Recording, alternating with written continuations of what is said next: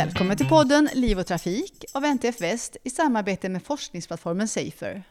Jag heter Maria Blomstrand och i det här avsnittet så ska vi prata med Linda Pipkorn som arbetar på Chalmers som doktorand på avdelningen fordonssäkerhet. 2021 fick Linda Honda Outstanding Student Paper Award för sin forskning om förarens blickbeteende vid övergången från automatisk till manuell körning. Linda har även studerat mänsklig interaktion med autonoma fordon inom projektet Eltre Pilot, som vi pratade om tidigare här i Liv och trafikpodden. Eh, och en av de mest betydande upptäckterna inom Eltre Pilot var att många av de fordon som man testade inte kunde hantera flera av de situationer som uppstår vid rutinkörning. Och det innebär att föraren hela tiden måste vara beredd att ingripa. Idag arbetar Linda inom det uppföljande projektet HighDrive och hennes forskning syftar till att ge ökad förståelse för hur autonoma fordon bör utformas för att garantera säkerhet och då specifikt kopplat till tillfällen där förare i assisterad och autonom körning behöver köra manuellt. Välkommen till podden Linda! Tack så hemskt mycket, det är jätteroligt att få vara med. Eh, vad mer specifikt handlar den delen av projektet som du arbetat med? Um, ja, kort sagt så kan man väl säga att uh, det handlar om att kunna säkerställa att människan på ett säkert, snabbt och effektivt sätt kan köra manuellt. Uh, så både när de är assisterade av vad vi kallar ett assisterande system, men även efter en tid mer kapabel autonom körning när bilen då specifikt signalerar till föraren eh, att han eller hon måste ta över kontrollen och köra manuellt. Innan vi går in mer på projekten och studierna som ni genomfört, så tänkte jag att du skulle kunna ge oss en förklaring på vad skillnaden är mellan assisterade och autonoma system. Eh, är de autonoma systemen helt självkörande eller var går gränsen? Ja, så inom det här då eh, L3, L3 Pilot-projektet och nu också i HighDrive så har vi främst fokuserat på det systemet som vi benämner då som ett autonomt system. Och när vi pratar om ett autonomt system så menar vi ett system som antas vara så pass kapabelt att eh, bilen tar fullt ansvar för hela köruppgiften så att föraren helt enkelt inte behöver övervaka systemet utan kan istället göra någonting annat, till exempel använda sin telefon. Och vid de lägena, så det finns vissa specifika lägen där föraren kan tänkas behöva köra manuellt, och då måste bilen då tydligt signalera till föraren genom vad vi benämner ofta som en take-over request. Då. Um, och detta skiljer sig från vad vi benämner ett assistanssystem som egentligen är de systemen som man Alltså de mest kapabla systemen som finns i bilar idag. Och om det finns någon lyssnare som kanske har hört de här nivåerna av automation så brukar man kalla det ett nivå 2-system. Eh, och det viktiga med ett assistanssystem är att föraren fortfarande är helt ansvarig även om bilen kan assistera föraren med till exempel att accelerera bilen, bromsa bilen och även styra bilen. Men det viktigaste är alltså att föraren hela tiden fortfarande är ansvarig och måste kunna ingripa om ja, bilen till exempel kanske inte hittar en linje eller vad det nu kan vara. Så frågan om ett autonomt system är helt självkörande. Det beror lite på vad man menar med ett helt självkörande system. På sätt och vis kan man ju tänka sig att ett autonomt system då är helt självkörande inom vissa ramar eller när vissa, ja, under vissa specifika förutsättningar. Eh, men om man med ett helt självkörande system menar en bil som kan plocka upp dig hemma, köra dig hela vägen till jobbet och som inte då har ratt eller pedaler eller liknande så är det inte den typ av system som vi har fokuserat på här. Utan det är en annan typ av system. Ja, jag förstår. Eh, ni gjorde ju en mycket omfattande studie inom L3 Pilot för att få en bild av användarupplevelsen eh, och för att utvärdera förarens påverkan. Eh, jag läste att studien omfattade 70 fordon och många olika varumärken och man körde mer än 400 000 kilometer på motorväg. Eh, och hälften då manuellt och eh, med autonom körning. Och över 1000 personer deltog i det här pilotprojektet. Då. Och dessutom gjorde man ju då kompletterande virtuella tester av omgivningar. Vill du berätta lite om det projektets upplägg och vad det var ni ville få ut av all den här mängden data? Mm, så L3 Pilot var ett väldigt omfattande projekt som involverade dels många forskare, både från olika universitet men även forskningsinstitut och även flertalet bilföretag då inom Europa. Och man kan väl säga att det övergripande syftet var att försöka förstå ja, egentligen hur nära vi är den här typen av autonoma fordon då, som jag beskrev eh, tidigare. Det vill säga en bil där bilen faktiskt kan ta fullt ansvar för köruppgiften så att föraren helt enkelt kan göra någonting annat. Ehm, men projektet syftar också till att förstå ehm, till exempel då hur de här tänkta autonoma systemen som vi ser in i framtiden och tänker oss att vi har de här autonoma fordonen, hur de här fordonen då skulle påverka till exempel trafiken. Um, och en sak som man kanske kan nämna är att de här fordonen kommer till exempel alltid hålla hastigheten, vilket inte alltid är fallet just nu i trafiken. Att alla förare gör det. Och hur det då skulle påverka hur andra bilar runt omkring beter sig.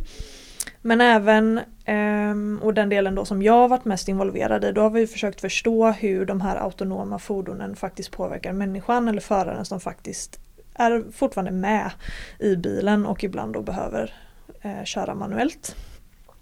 Och sen så har det också varit effekten på till exempel trafiksäkerheten i längden om man tänker sig att vi har en viss nivå eller bara autonoma fordon och även miljön.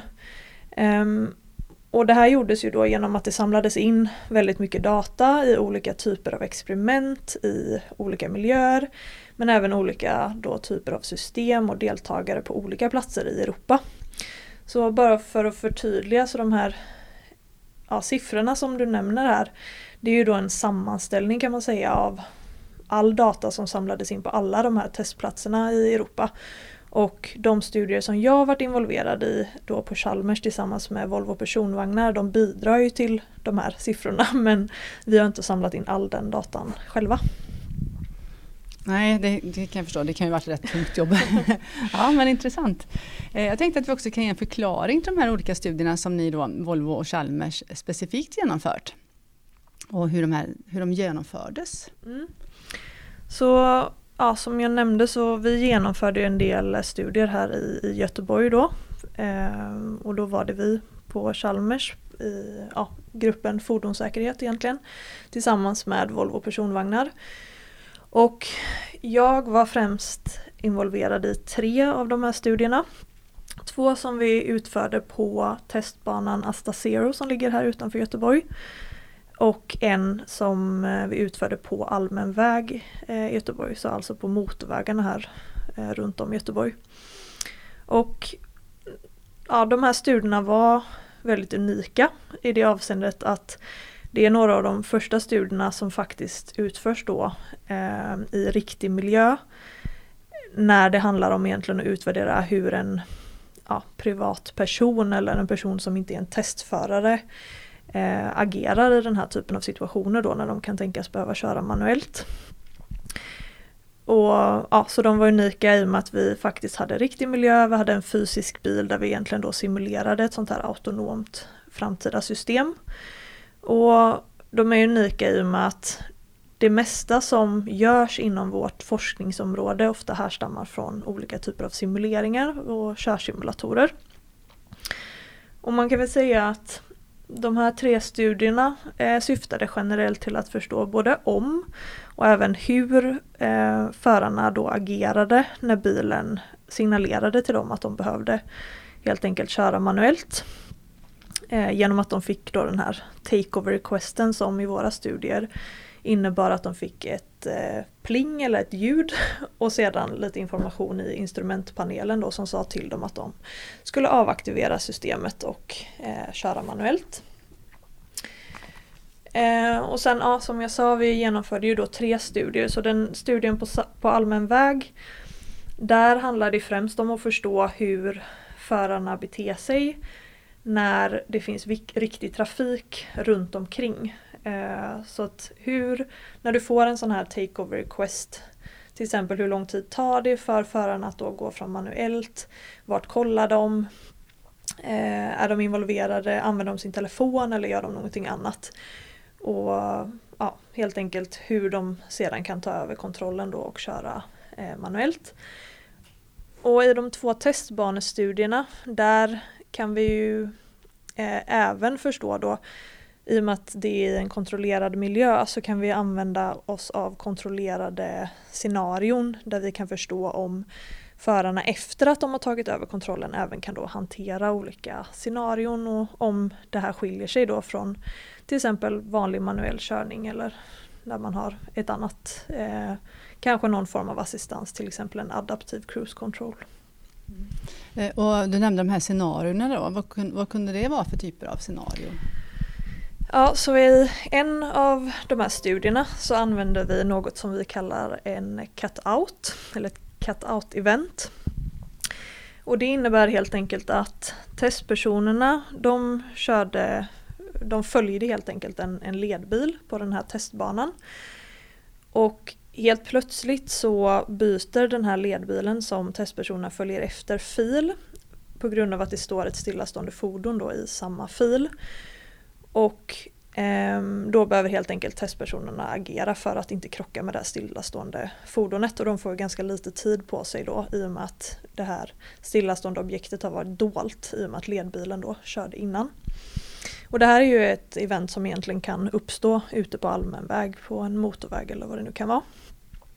Och vi valde att studera det här, den här typen av event i och med att vi hade sett i ett tidigare projekt som eh, hette Adest att en betydande andel eh, förare faktiskt inte kunde ja, agera i just samma typ av event när de körde med det som jag tidigare nämnde då som assisterad körning där, kör, där förarna faktiskt var ansvariga hela tiden men de, Ehm, ja, bilen assisterar dem med både att gasa bilen, bromsa bilen och även styra bilen.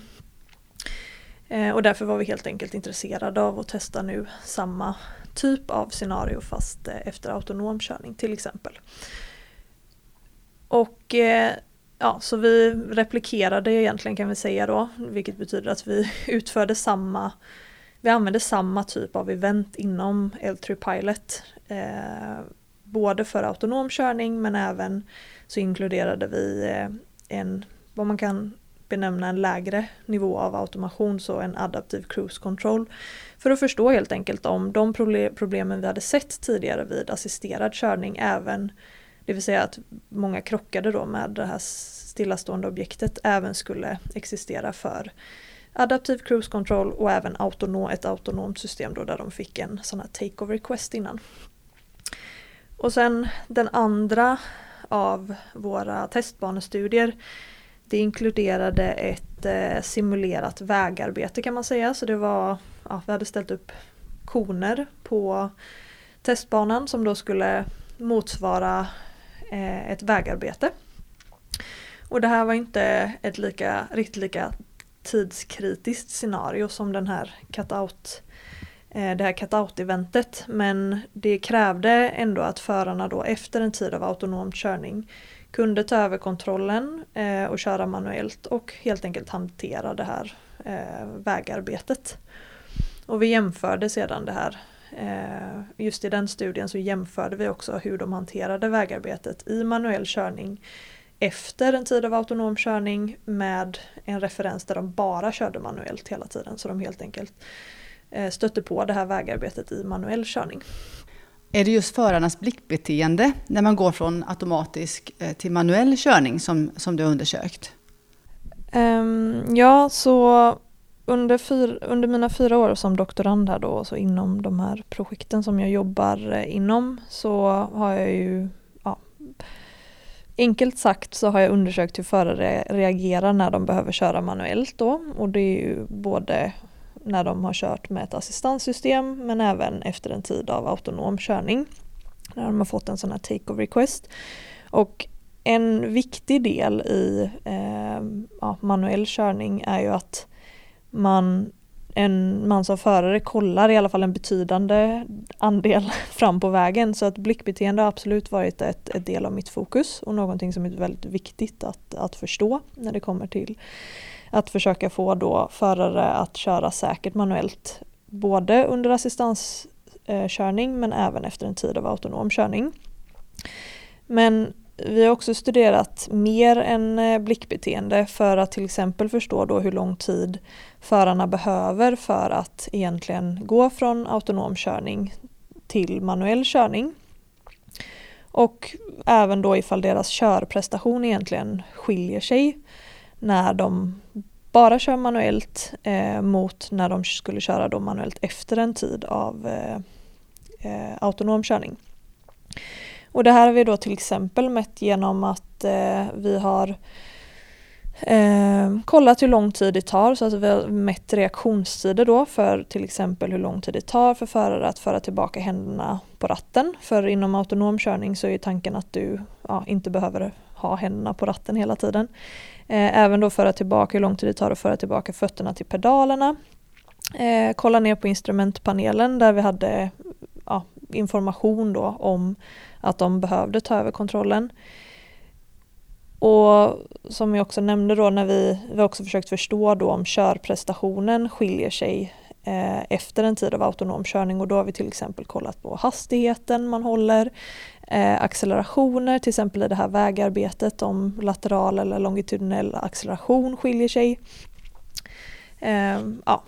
Vad kom ni fram till i de här studierna då? Kunde de hantera eh, mer kritiska situationer? Ja, så de studier som vi, då inf- eh, ja, som vi utförde här inom L3 Pilot, där vi alltså hade en tid av autonom körning innan eh, olika event, så lyckades alla våra deltagare egentligen hantera både det här cut-out-eventet och även vägarbetet då på ja, vad jag skulle säga ett sätt som motsvarade eh, egentligen det vi såg både i manuell körning och även om förarna då körde med eh, adaptiv cruise control. Så ja, vi kunde inte se några betydande skillnader egentligen mellan de här eh, olika typerna av eh, körsätt. Eh, dock så vad jag nämnde innan var ju att vi hade sett att en betydande andel förare hade krockat då med assistans eller assisterad körning.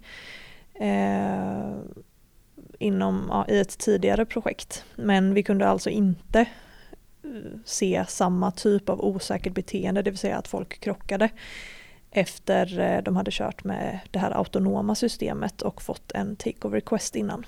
Mm. Jag hade ju tänkt att det skulle vara lättare för en förare att hantera eventet med assisterad körning eftersom man då är fokuserad på vägen och vad som händer. Vid autonom körning så tänker jag att då kopplar man ju av och låter bilen ta ansvar och att det då kan ta tid att hinna reagera tillräckligt snabbt i ett sånt här stadie då? Ja, absolut. Det kan jag förstå att man, man kan tro. Um, så en av, de, en av anledningarna ligger ju troligtvis här då i hur vi har, ja men hur de här två typerna av system skiljer sig åt. Så i det här assisterade systemet så dels så var det ett väldigt kapabelt system, det vill säga deltagarna behövde egentligen inte göra så mycket mer än att övervaka systemet under en längre tid. Men sedan när det här cut-out-eventet inträffade så var de ändå tvungna att förstå att det är jag som ska hantera det här systemet utan att bilen egentligen signalerar någonting till dem. Eh, de här förarna var ju då informerade om att det fortfarande var de som var ansvariga för att hantera systemet men precis innan eventet så fick de ingen, eh, egentligen ingen information om att eh, det här eventet eh, ja, var där. Och eh, så om man då ser på det här autonoma systemet å andra sidan Visst, precis som du nämner här så fick ju förarna koppla av så de fick faktiskt eh, hålla på med någonting annat. De var inte tvungna att ha händerna på ratten eller kolla på vägen.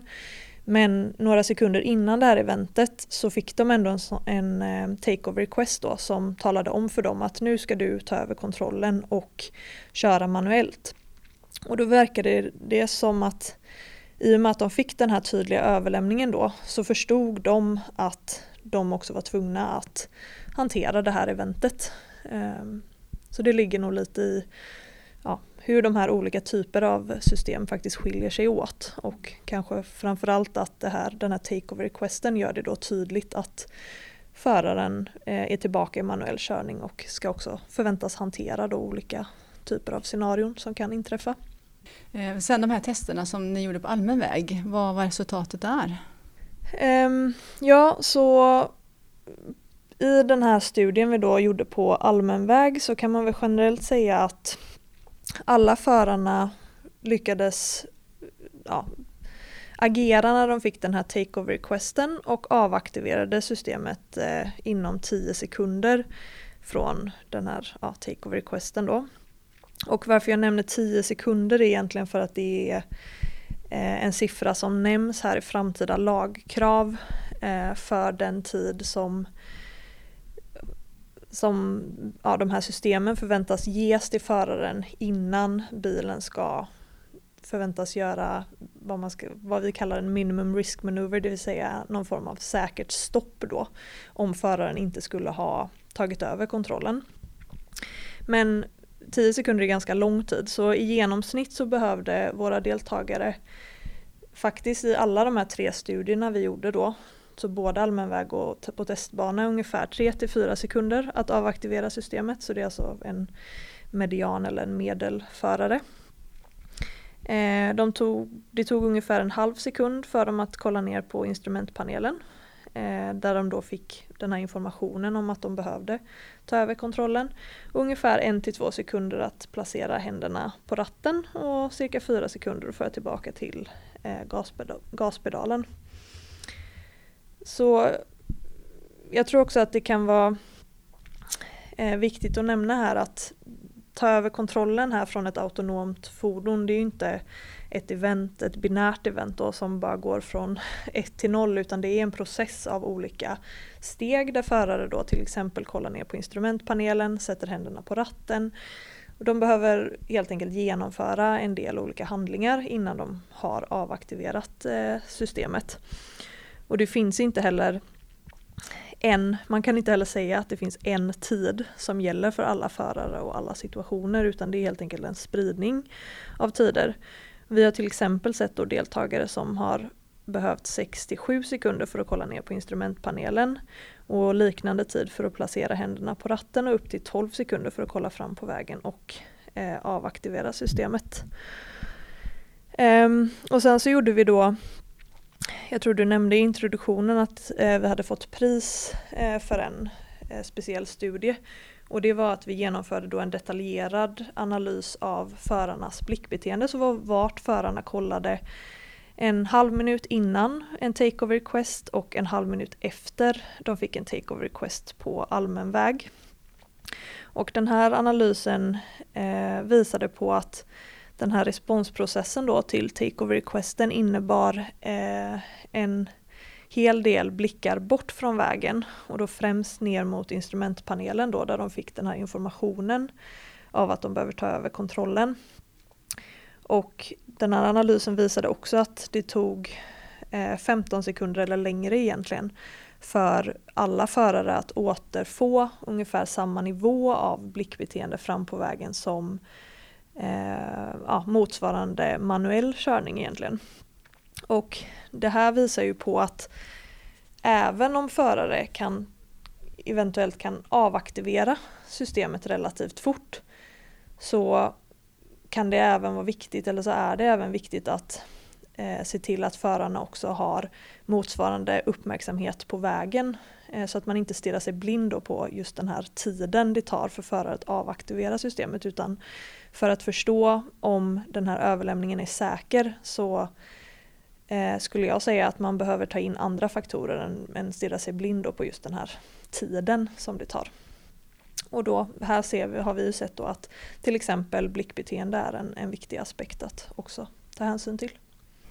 Eh, men det här var ju då ett, projekt som man utförde i verklig miljö med verkliga förare.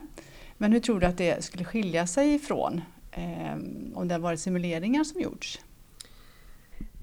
Um, ja, det här är ju vad jag tycker är en ganska, en ganska svår, svår fråga eh, som beror på många faktorer. Eh, generellt så om, man, om vi vill förstå då hur förare beter sig på allmän väg med autonoma framtida system så vill vi såklart ha miljön eller omgivningen så lik det vi tänker att framtiden kommer se ut som möjligt.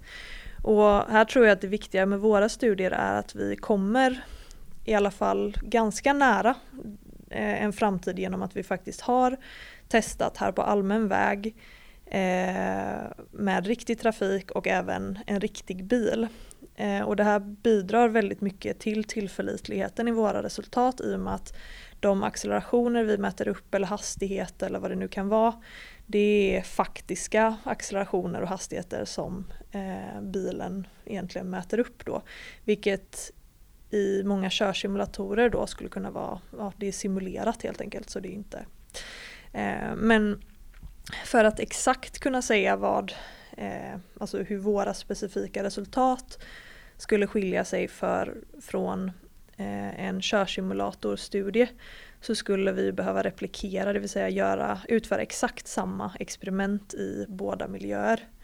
Och eh, det har vi inte gjort så jag kan inte säga exakt eh, vad skillnaden skulle bli. Generellt så kan man säga att tidigare körsimulatorstudier har visat på eh, ett mer säkerkritiskt beteende efter en eh, sån här takeover request då, att de har egentligen ehm, varit, ja de har helt enkelt inte varit lika bra på att agera i olika event efter. Eh, men det beror också på att vi har inte genomfört, det är liksom många faktorer som spelar in där, till exempel att vi har testat eh, olika typer av event, vi har kanske gett förarna olika lång tid på sig att agera eh, och även när den här take-over requesten har getts. Så det är många faktorer som man behöver ta hänsyn till för att exakt kunna säga varför det skiljer sig. Eh, nej, men jag tänker också, hur kan man använda det här för framtida studier? Eh, och vad är nästa steg i utveckling av de här take-over requests? Jag tror att eh, en viktig sak eh, som vi har lärt oss i de här studierna är att försöka förstå då eh, i vilken kontext vi egentligen, egentligen kan förvänta oss takeover request. Så lite det jag var inne på här innan när man pratade om simulatorer att i körsimulatorer så har man ofta fokuserat på väldigt tidskritiska event vilket kan vara svårt att hantera i och med att du får väldigt lite tid på dig.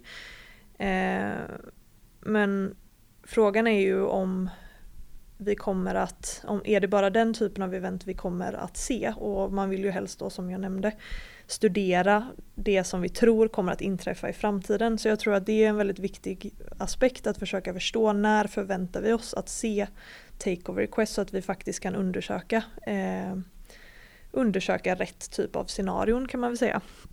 Eh, sen tror jag också att en annan sak som ja, våra studier har visat på att det kan skilja sig då hur en förare i ett assistanssystem agerar i ett event mot hur en förare e-, efter ett, en tid i autonom körning kan hantera eh, samma event. Och därför så tror jag att det, det är viktigt att vi pratar om de här systemen som två separata saker för ibland så bakas de ihop som samma typ av system och kanske benämns självkörande bilar. Så att man förstår att det finns olika typer av system och att de nödvändigtvis inte leder till samma typ av eh, eh, ja, utfall eller vad man ska säga. Men eh, hur långt bort tror du är tills vi har helt självkörande bilar då? Ja, eh, jag vet inte hur lång tid eh, det kommer ta och jag är inte i och med att jag då främst fokuserar på den här mänskliga interaktionen med ett antaget framtida system så jag inte jag jobbar inte aktivt med den tekniska kapaciteten och därför så är jag inte rätt person att kunna ge en, en rimlig bedömning. Ehm, därav så, eller däremot så tror jag att det kommer ta tid i och med att bilar idag utgår då från att föraren alltid är ansvarig och i de här framtida fordonen som vi har jobbat med här där har vi antagit att bilen är ansvarig så det är ett helt nytt läge med ja, många nya frågor som uppstår och många nya problem som vi behöver lösa innan vi är där. Så jag tror att det kommer ta tid men jag vill inte ge ett Nej, specifik. Förstår det, det är väldigt komplext. Men tror du att man i framtiden kommer ta hänsyn till autonoma fordon när man bygger städer och vägnät så att man eh, ökar säkerheten och framkomligheten för medtrafikanter? Eh, och också underlättar tekniken för fordonen? Eh, ja, det tror jag. Eh, I alla fall om vi ser till hela världen och eh, ja, att det finns städer som kanske byggs upp från, alltså på nytt. Och då tror jag att i och med att de här bilarna de agerar ju hela tiden i, i samspel med det som händer runt omkring. Och man kan, kan väl säga att ju mindre saker som kan förändras i miljön desto enklare är det för de här systemen att eh, köra eh, autonomt. Då. Till exempel om vi inte skulle ha eh, cyklister eller personer som kan ja, i en liksom mixad trafikmiljö så tror jag att eh, det skulle göra helt enkelt att vi faktiskt kan eh, ha autonoma fordon.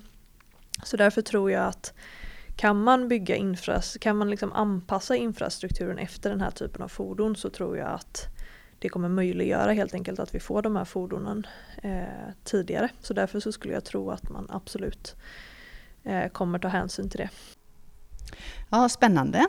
Vi följer utvecklingen här i Liv och Trafikpodden och tackar dig så jättemycket Linda för att du ville vara med. Vill ni veta mer om studierna som Linda arbetat med så hittar ni länkar till dem här i textbeskrivningen i livotrafikpodden.se.